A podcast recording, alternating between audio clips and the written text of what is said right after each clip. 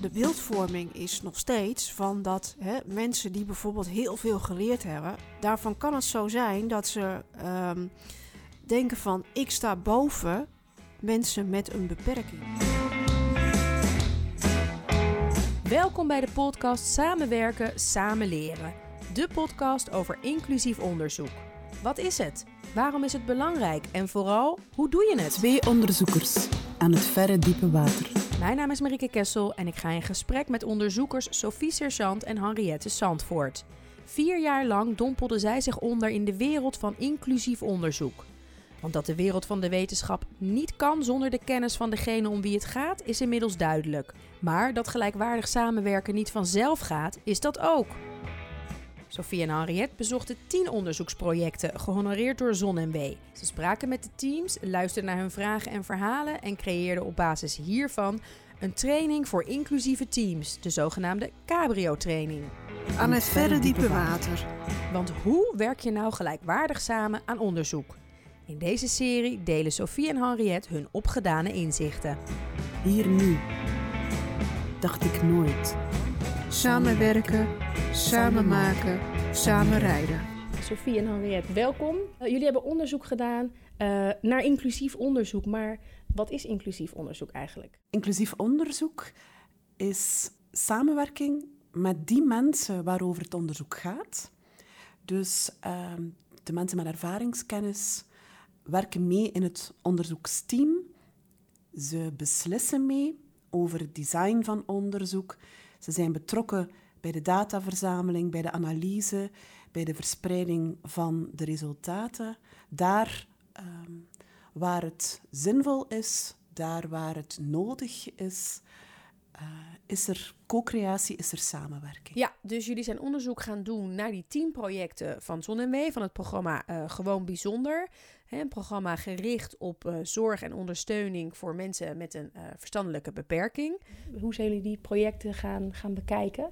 Voor ons was belangrijk, iedereen is ervan overtuigd van het waarom van inclusief onderzoek. Hè. Ten eerste het inhoudelijk argument. Uh, het is uh, verschillende vormen van kennis komen bij elkaar. Uh, het brengt relevante vragen op tafel. Nor normatief argument. Mensen hebben recht op deelname, recht op medezeggenschap, inspraak en onderzoek. En het derde instrumenteel argument. Het ehm, draagvlak wordt vergroot, verhoogt kans op succesvolle implementatie. Dus het waarom is voor veel mensen helder. Maar het hoe, daar hebben we geleerd gedurende die vier jaar dat er toch heel wat onderzoekers, heel wat teams zich afvragen van, maar hoe brengen we dat nu in de praktijk op een goede manier, zodat het voor alle teamleden veilig goed voelt, zodat het het onderzoek verder brengt en zodat het rijke onderzoeksresultaten oplevert met respect voor iedereen. Dat is nog niet zo simpel en wij hebben daar niet altijd antwoorden op, maar wij hebben samen, eerst Harriet en ik, en dan in een team, een cabrio-team, hebben wij die training, de cabrio-training, gebouwd om antwoorden te bieden op die vragen die er liggen bij de teams. Ja, wat zagen jullie daar? Wat uh, wij in de praktijk zagen is dat uh, het ene team was verder met het, met het uh, inzetten van ervaringsdeskundige co-onderzoekers dan andere teams. Maar wat wij ook wel merkten, dat heel veel onderzoeksteams echt nog heel erg zoekende waren van ja, hoe, hoe zetten wij nou onze co-onderzoekers in in ons onderzoek? En wat is, uh, wat, wat is dan hun rol, zeg maar? Dus sommige co-onderzoekers, daar zagen we echt van, die hadden echt een, een, een rol in het team. Maar ja, sommige, sommige co-onderzoekers, die, die hadden een, een afgebakende rol. Uh, als je spreekt over inclusief onderzoek, is het heel belangrijk dat je als co-onderzoeker ook invloed uitoefent, kan oefenen op het onderzoek. Dus uh, bijvoorbeeld, ik heb uh, bijvoorbeeld um, uh, invloed gehad op de vormgeving van het onderzoek. Ik had echt zoiets van. Um, hoe gaan wij ons onderzoek, zeg maar, in beeld brengen in, bij het eerste congres in Leuven? Toen had, toen had ik het idee geopperd van, nou, laten we dat doen in een stoere auto. En daar is dus de cabrio uitgekomen. Want wat wij uh, Sofie en ik wilde, willen, is dat wij, uh, dat wij niet wegblijven van het zielige verhaal van ik ben ervaringsdeskundige en ik, uh, ik doe mee aan onderzoek. En um, omdat ik een beperking heb, doe ik mee aan dit, aan dit onderzoek. Dat wilden wij alle twee niet. Wij hadden alle twee zoiets van: we willen een stoere rock'n'roll stijl in een cabrio. En, en, en die film die gaat ook van twee onderzoekers aan het verre diepe water. Lees mij, lees jou. We zoeken vragen. We zoeken ons pad aan het verre diepe water. En um, dat, dat geeft echt een, een, een krachtig beeld van het, van het onderzoek. Dus uh, van dat twee onderzoekers gewoon, dat het heel normaal is dat twee onderzoekers met elkaar samenwerken. Maar in praktijk, bij die onderzoeksprojecten waar jullie dus allemaal kwamen, zagen jullie ook dat dat niet altijd um, normaal of ja, de praktijk is. Klopt. Wij mochten in al die onderzoekskeukens gaan kijken om te zien van, oké, okay, wie beslist hier over het recept dat er gemaakt wordt? Um, wie is in de lead als het gaat om koken? En uh, wie uh, snijdt er de groenten? Mm. En um, wie beslist wat er op tafel komt? Wie doet de afwas? Wie blijft er tot het laatst? Die vragen hebben wij samen met de onderzoeksteams in een kennismaking boven tafel proberen krijgen. Van hoe, hoe loopt het? En waar zitten de vragen? Waar kunnen wij jullie eventueel bij helpen? En dan kregen wij vragen uh, rondom um, onderzoeksmethodes. Hoe kunnen wij toegankelijke onderzoeksmethodes uh, gebruiken zodanig dat meer mensen kunnen meedoen? Uh, communicatie, hoe zet je dat op touw uh, op een toegankelijke manier? Um, we kregen vragen rondom de samenwerking, de matching van de talenten en de kennis die aanwezig is in het team en de onderzoekstaken die moeten gebeuren. ruimte voor reflectie over hoe is onze samenwerking, teambuilding in literatuur kan je terugvinden dat als het moeilijk loopt in inclusieve onderzoeksteams, dat dat niet ligt aan de mensen met een beperking. Dat dat niet ligt aan de onderzoekers met ervaringskennis. Dus wij hebben daarom gekozen om geen training te ontwikkelen voor ervaringsdeskundigen, zeg maar, maar om een training te ontwikkelen voor de teams, in functie van de samenwerking zodanig dat die verschillende perspectieven, die verschillende vormen van kennis die aanwezig zijn, dat die, ook al schuurt het, dat die bij elkaar kunnen komen en mogen bestaan naast elkaar. Dat er groei is binnen het team, dat mensen leren van die co-creatie. En dat je inderdaad die rijkere onderzoeksresultaten kunt ophalen. Eigenlijk is het logisch dat je in een team allemaal inbreng hebt. Waar zit het hem dan in dat dat niet vanzelf gebeurt? Het heeft heel erg te maken met sta je er alle twee open voor. Hè? Je moet er alle twee echt iets voor doen. Het vraagt heel veel aanpassing. Zowel van de onderzoeker als van de ervaringsdeskundige co-onderzoeker. Het heeft ook te maken met van, um, van, van als jij bijvoorbeeld um, als onderzoeker heel erg met, met, met deadlines te maken hebt. En met uh, ik wil een heel strak onderzoek en ik wil dat het allemaal vlekkeloos verloopt. Um, dat is bij um, wat, dat onderzoek dat wij gedaan hebben, participatief onderzoek, is dat gewoon niet aan de orde. We moeten echt. Het, het is een andere manier van samenwerken. Uh, die van uh, de ervaringsdeskundige veel vraagt, maar ook van de onderzoeker. En een onderzoeker, zeg maar, zou dan gewoon in heel veel dingen een stapje terug moeten zetten om dichter bij de ervaringsdeskundige co-onderzoeker te komen. Om zo tot een gelijkwaardige samenwerking te komen. Het is niet zo van dat, dat, um, dat een onderzoeker meer weet dan een ervaringsdeskundige. Nee, dus je zegt dat zou eigenlijk moeten, maar in praktijk zagen jullie dus dat dat toch niet altijd gebeurde. Hoe zie je dat dan? Je ziet soms dat we geen ervaring hebben in, in die samenwerking. We zijn elkaar te weinig tegengekomen, denk ik. En mensen met een uh, verstandelijke beperking, mensen met NAH, mensen met autisme, hebben andere, naar andere scholen. Uh, dus we, hebben verschillende parcours afgelegd. En dan kom je samen in een team en plotseling moet je dan samenwerken. Dat is natuurlijk niet evident. Uh, ten eerste um, hebben we, denk ik, tekort aan kennis over um, inclusief onderzoek en hoe dat je dat kan doen. Dat zit ook te weinig in de opleiding. Subsidieverlenende instanties weten vaak ook niet zo goed uh, wat inclusief onderzoek is, wat de meerwaarde is en wat de voorwaarden zijn.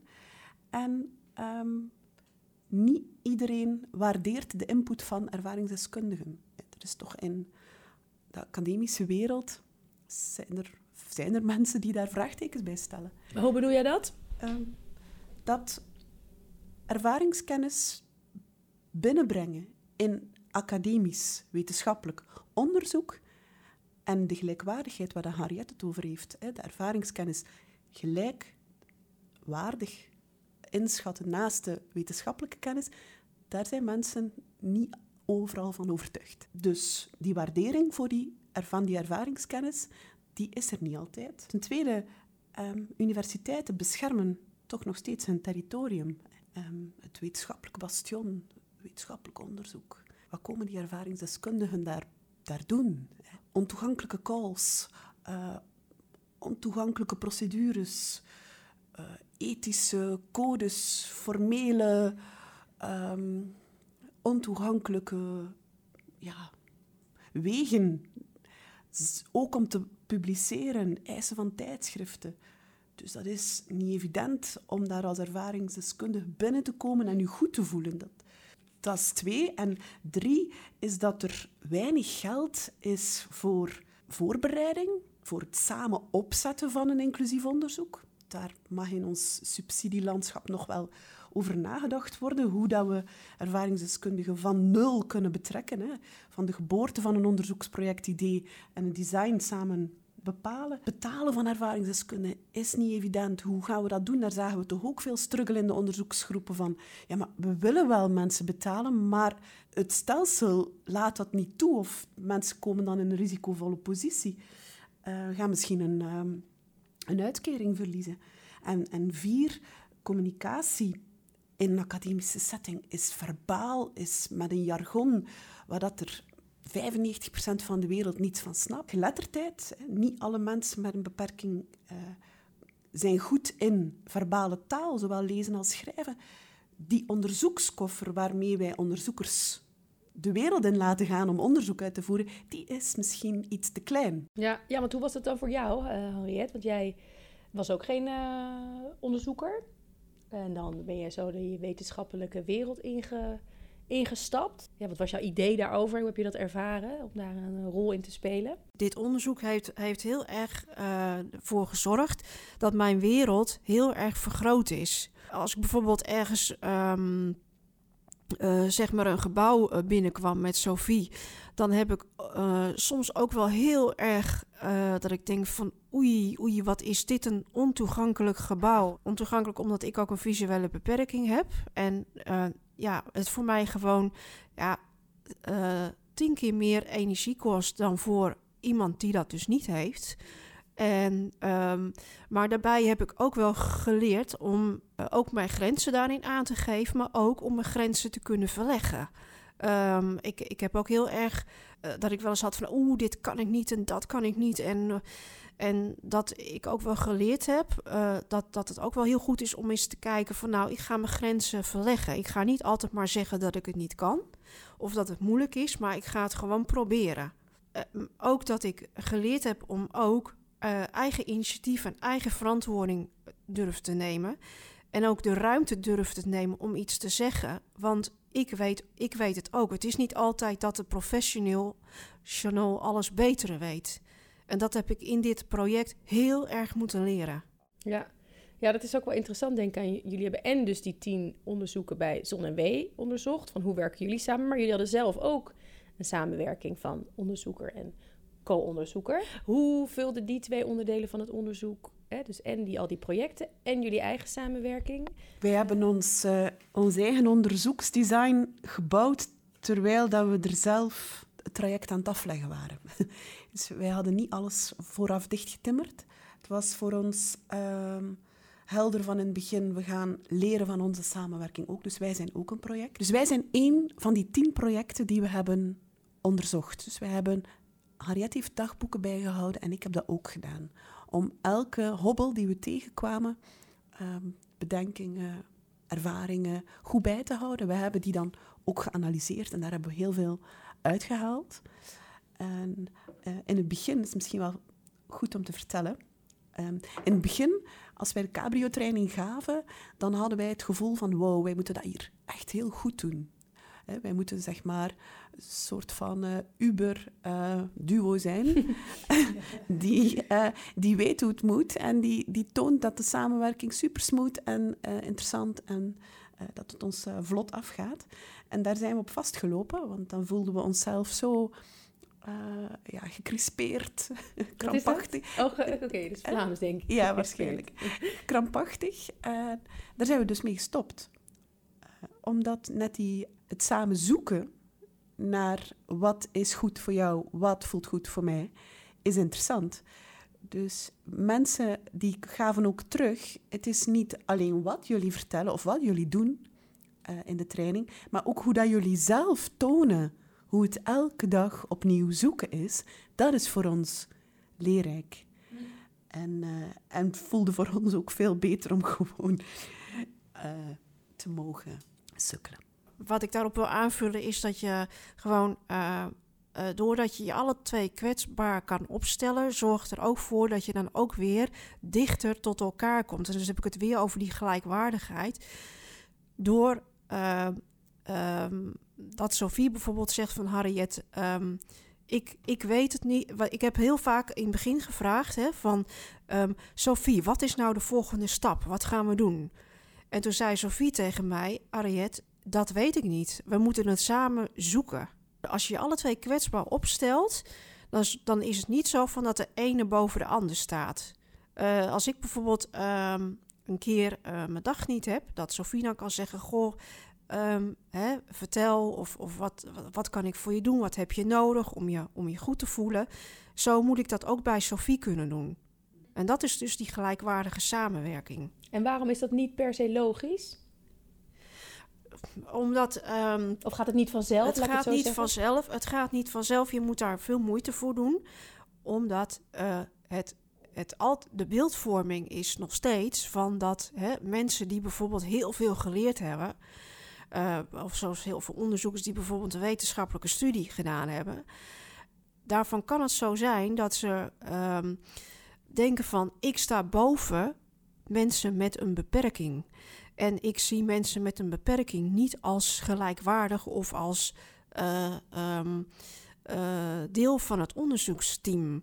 En wat, ja, daar, moet je, wat, daar moet je als onderzoeker moet je toch je, je, je houding daarin wel kunnen en willen veranderen. Is dat iets wat jij zelf misschien uh, in je hoofd hebt? Of is dat ook iets wat je hebt ervaren? Dat misschien die houding eh, of die, die, die mindset er een beetje is? Of, of hoe, waar baseer je dat op? Nou, daar baseer ik op dat ik, ik vroeger ben ik heel vaak door leidinggevenden of door coaches of professional. Uh, dat er heel vaak tegen me gezegd van, wordt gezegd van ja, dit kun je niet, dat kun je niet. Um, wij beslissen wat goed voor jou is. Wij weten het beter. Wij bepalen wat jij wel en wat jij niet gaat doen qua werk. Nou ja, sinds ik dus bij de LFB werk, heb ik ook wel geleerd hè, om mijn eigen regie te nemen. En de LFB is, eventjes voor de mensen die het niet kennen? De LFB is een belangenorganisatie door voor mensen met een licht verstandelijke beperking. En uh, wat, wat ik bij de LFB dus ook geleerd heb, is om te kijken hè, naar, je, naar je kwaliteiten en je talenten. Wat kun je wel, waar ben je goed in, waar ben je minder goed in, maar vooral waar ben je goed in, waar liggen de mogelijkheden. En ook je eigen verantwoording durven nemen, maar ook uh, je regie. En dat heb ik in dit project zeker ook heel erg geleerd. En um, dat, dat is niet, niet vanzelfsprekend, want het is, je moet de juiste mensen tegenkomen. De mensen die in jou geloven en die, in jou, die jouw kwaliteiten en talenten kunnen en willen zien. Ja, maar zagen jullie bijvoorbeeld ook bij die projecten waar jullie zijn geweest, misschien ook die, die houding tegenover co-onderzoekers? Of hoorden jullie dat van co-onderzoekers? Of... Ik, ik ga beginnen maar over mezelf te spreken. Ik maak daar constant fouten in. um, omdat ik ben opgeleid als orthopedagoog en dus opgeleid als hulpverlener. Ik ben redelijk ongeduldig van persoon. En ehm, ik uh, zeg overal ja op, dus ik heb heel veel op mijn bordje.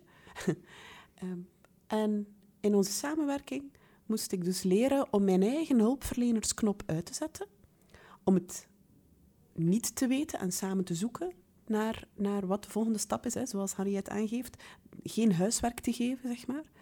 En um, uh, ja, tijd te nemen om samen elke keer uit te zoeken hoe gaan we dat met elkaar uh, onderzoeken, hoe gaan we daarmee omgaan. En um, dus dat is natuurlijk, hè, als ik een heel klein voorbeeldje mag geven, de trein komt over tien minuten. Het is nog één kilometer lopen. Ik denk dan, dat moeten we kunnen. Maar voor Harriet is dat een nachtmerrie om te gaan lopen, hardlopen naar de trein. En ik denk dan, ah, kom aan Harriet, want mijn kinderen zitten te wachten enzovoort. En dan moet je dus gewoon met elkaar ruzie maken totdat je een deal hebt van nee, we gaan dat niet doen. Of we gaan een beetje sneller lopen of wat dan ook. Maar elke keer moesten we het er wel met elkaar over hebben. En we waren er na een tijdje samenwerken heel eerlijk in. Dus we hebben best ook wel wat ruzie gemaakt. En zitten zoeken van uh, hoe, hoe, wat is voor mij belangrijk, wat is voor jou belangrijk. En hoe gaan we hiermee om? Ja, maar dat vroeg je net van jou dan om die hulpverlenersknop, om die... Ja, en ik heb ook op een bepaald om moment... zetten. Ik heb ook op een bepaald moment aan Harriet gevraagd, zet jouw handicap eens uit, want ik heb hem nu niet nodig. Ik heb jou nodig als persoon. En ja. Harriet is een fantastische onderzoeker, een, iemand met pitbull-kwaliteiten. Ze bijt zich vast. Maar ja, uh, af en toe had ik het idee uh, dat, dat die beperking dat zij dat zo als, als haar identiteit had meegenomen. En daar hebben we met elkaar veel gesprekken over gevoerd. Die waren super interessant. En ja, je moet dan wel eventjes die beperking vastpakken, denk ik. Om er goed met elkaar over te spreken van wat is voor jou nodig, wat is voor mij nodig. Om hem daarna te kunnen loslaten. Dus dat bedoel ik dan ook met die handicap loslaten. Van, ja. oh ja, ik werk met u samen, hè. En wat, wat, wat, kon jij daar wat mee als je dat uh, te horen kreeg? We hebben een gesprek gehad met elkaar in de auto daarover. Uh, toen hebben we een heel zinvol gesprek met elkaar gehad. Uh, wat aan de ene kant voor mij best heel confronterend was. En aan de andere kant had ik zoiets, ja, je zegt wel hele zinvolle dingen waar ik ook echt uh, veel van kan leren en waar ik ook echt iets mee kan. Uh, dus echt, hè, inderdaad, waar ik het net ook een beetje van durf eens wat meer ruimte in te nemen. Neem eens wat meer verantwoordelijkheid. Kom eens wat meer op de voorgrond. Um, denk, eens, neem, denk eens meer. Ehm, neem eens meer initiatieven om, ze, om ook eens dingen uit te gaan zoeken of te doen. En niet te veel op mij gaan leunen. En ja, daar schrok ik in het begin wel een beetje van. Dat ik denk van oei, ik wil natuurlijk niet al te veel mijn beperkingen op de voorgrond leggen. Maar ja, aan de andere kant, het is er wel. En, um, en aan de ene kant moet ik daar mijn grenzen in stellen. Maar aan de andere kant moet je ook een beetje durven uh, te kijken van... van nou, wat, hè, wat is er met die, ondanks die beperking allemaal nog mogelijk? En uh, als je het hebt over gelijkwaardig samenwerken... van probeer ook een beetje ja, dichter dichter, weer dichter bij elkaar te komen. Het gaat eigenlijk heel erg om een, om een mindset eigenlijk. Hè? Vanuit welke, van waarvan uit, waarvan uit start je je onderzoek? Het brengt ons denk ik bij de clue van inclusief onderzoek. En dat is voor mij dat je als mens samenwerkt. En dat je niet met cliënten samenwerkt. Ik werk samen met mensen die inderdaad cliëntervaring hebben of uh, die gelabeld zijn door één of meerdere, uh, met één of meerdere labels. Maar uiteindelijk werk ik samen met een mens en die valt niet samen met die beperkingen, met die cliëntervaring. Die heeft veel meer. En daar moeten we zien achter te komen. Wie ben jij? Wat kan jij? Wat zijn al je... Dus we moeten opletten dat ervaringsdeskundigheid het nieuwe label niet wordt. Dat we dat niet laten samenvallen met, met de identiteit van iemand. Iemand is veel meer. Harriet kan stukken lezen, zich daarin verdiepen, is supergoed in analyse van, van onderzoeksresultaten. Dus dat, gaat veel, dat is veel meer dan het feit dat zij ervaring heeft met het leven met een beperking in onze samenleving. Dus ik wil haar zien als een mens en niet als iemand die cliëntervaring heeft. Niet zo, niet zo nauw. Dat brengt ons bij de belangrijke rol van taal in inclusief onderzoek. Iets waar Sophie in haar proefschrift ook uitgebreid op ingaat. In de volgende aflevering van Samenwerken, Samenleren praten we daar verder over door. Voor nu, dank voor het luisteren, deel deze podcast vooral en tot de volgende. Ik, jij, Elk met eigen kennis. Heel gewoon samen.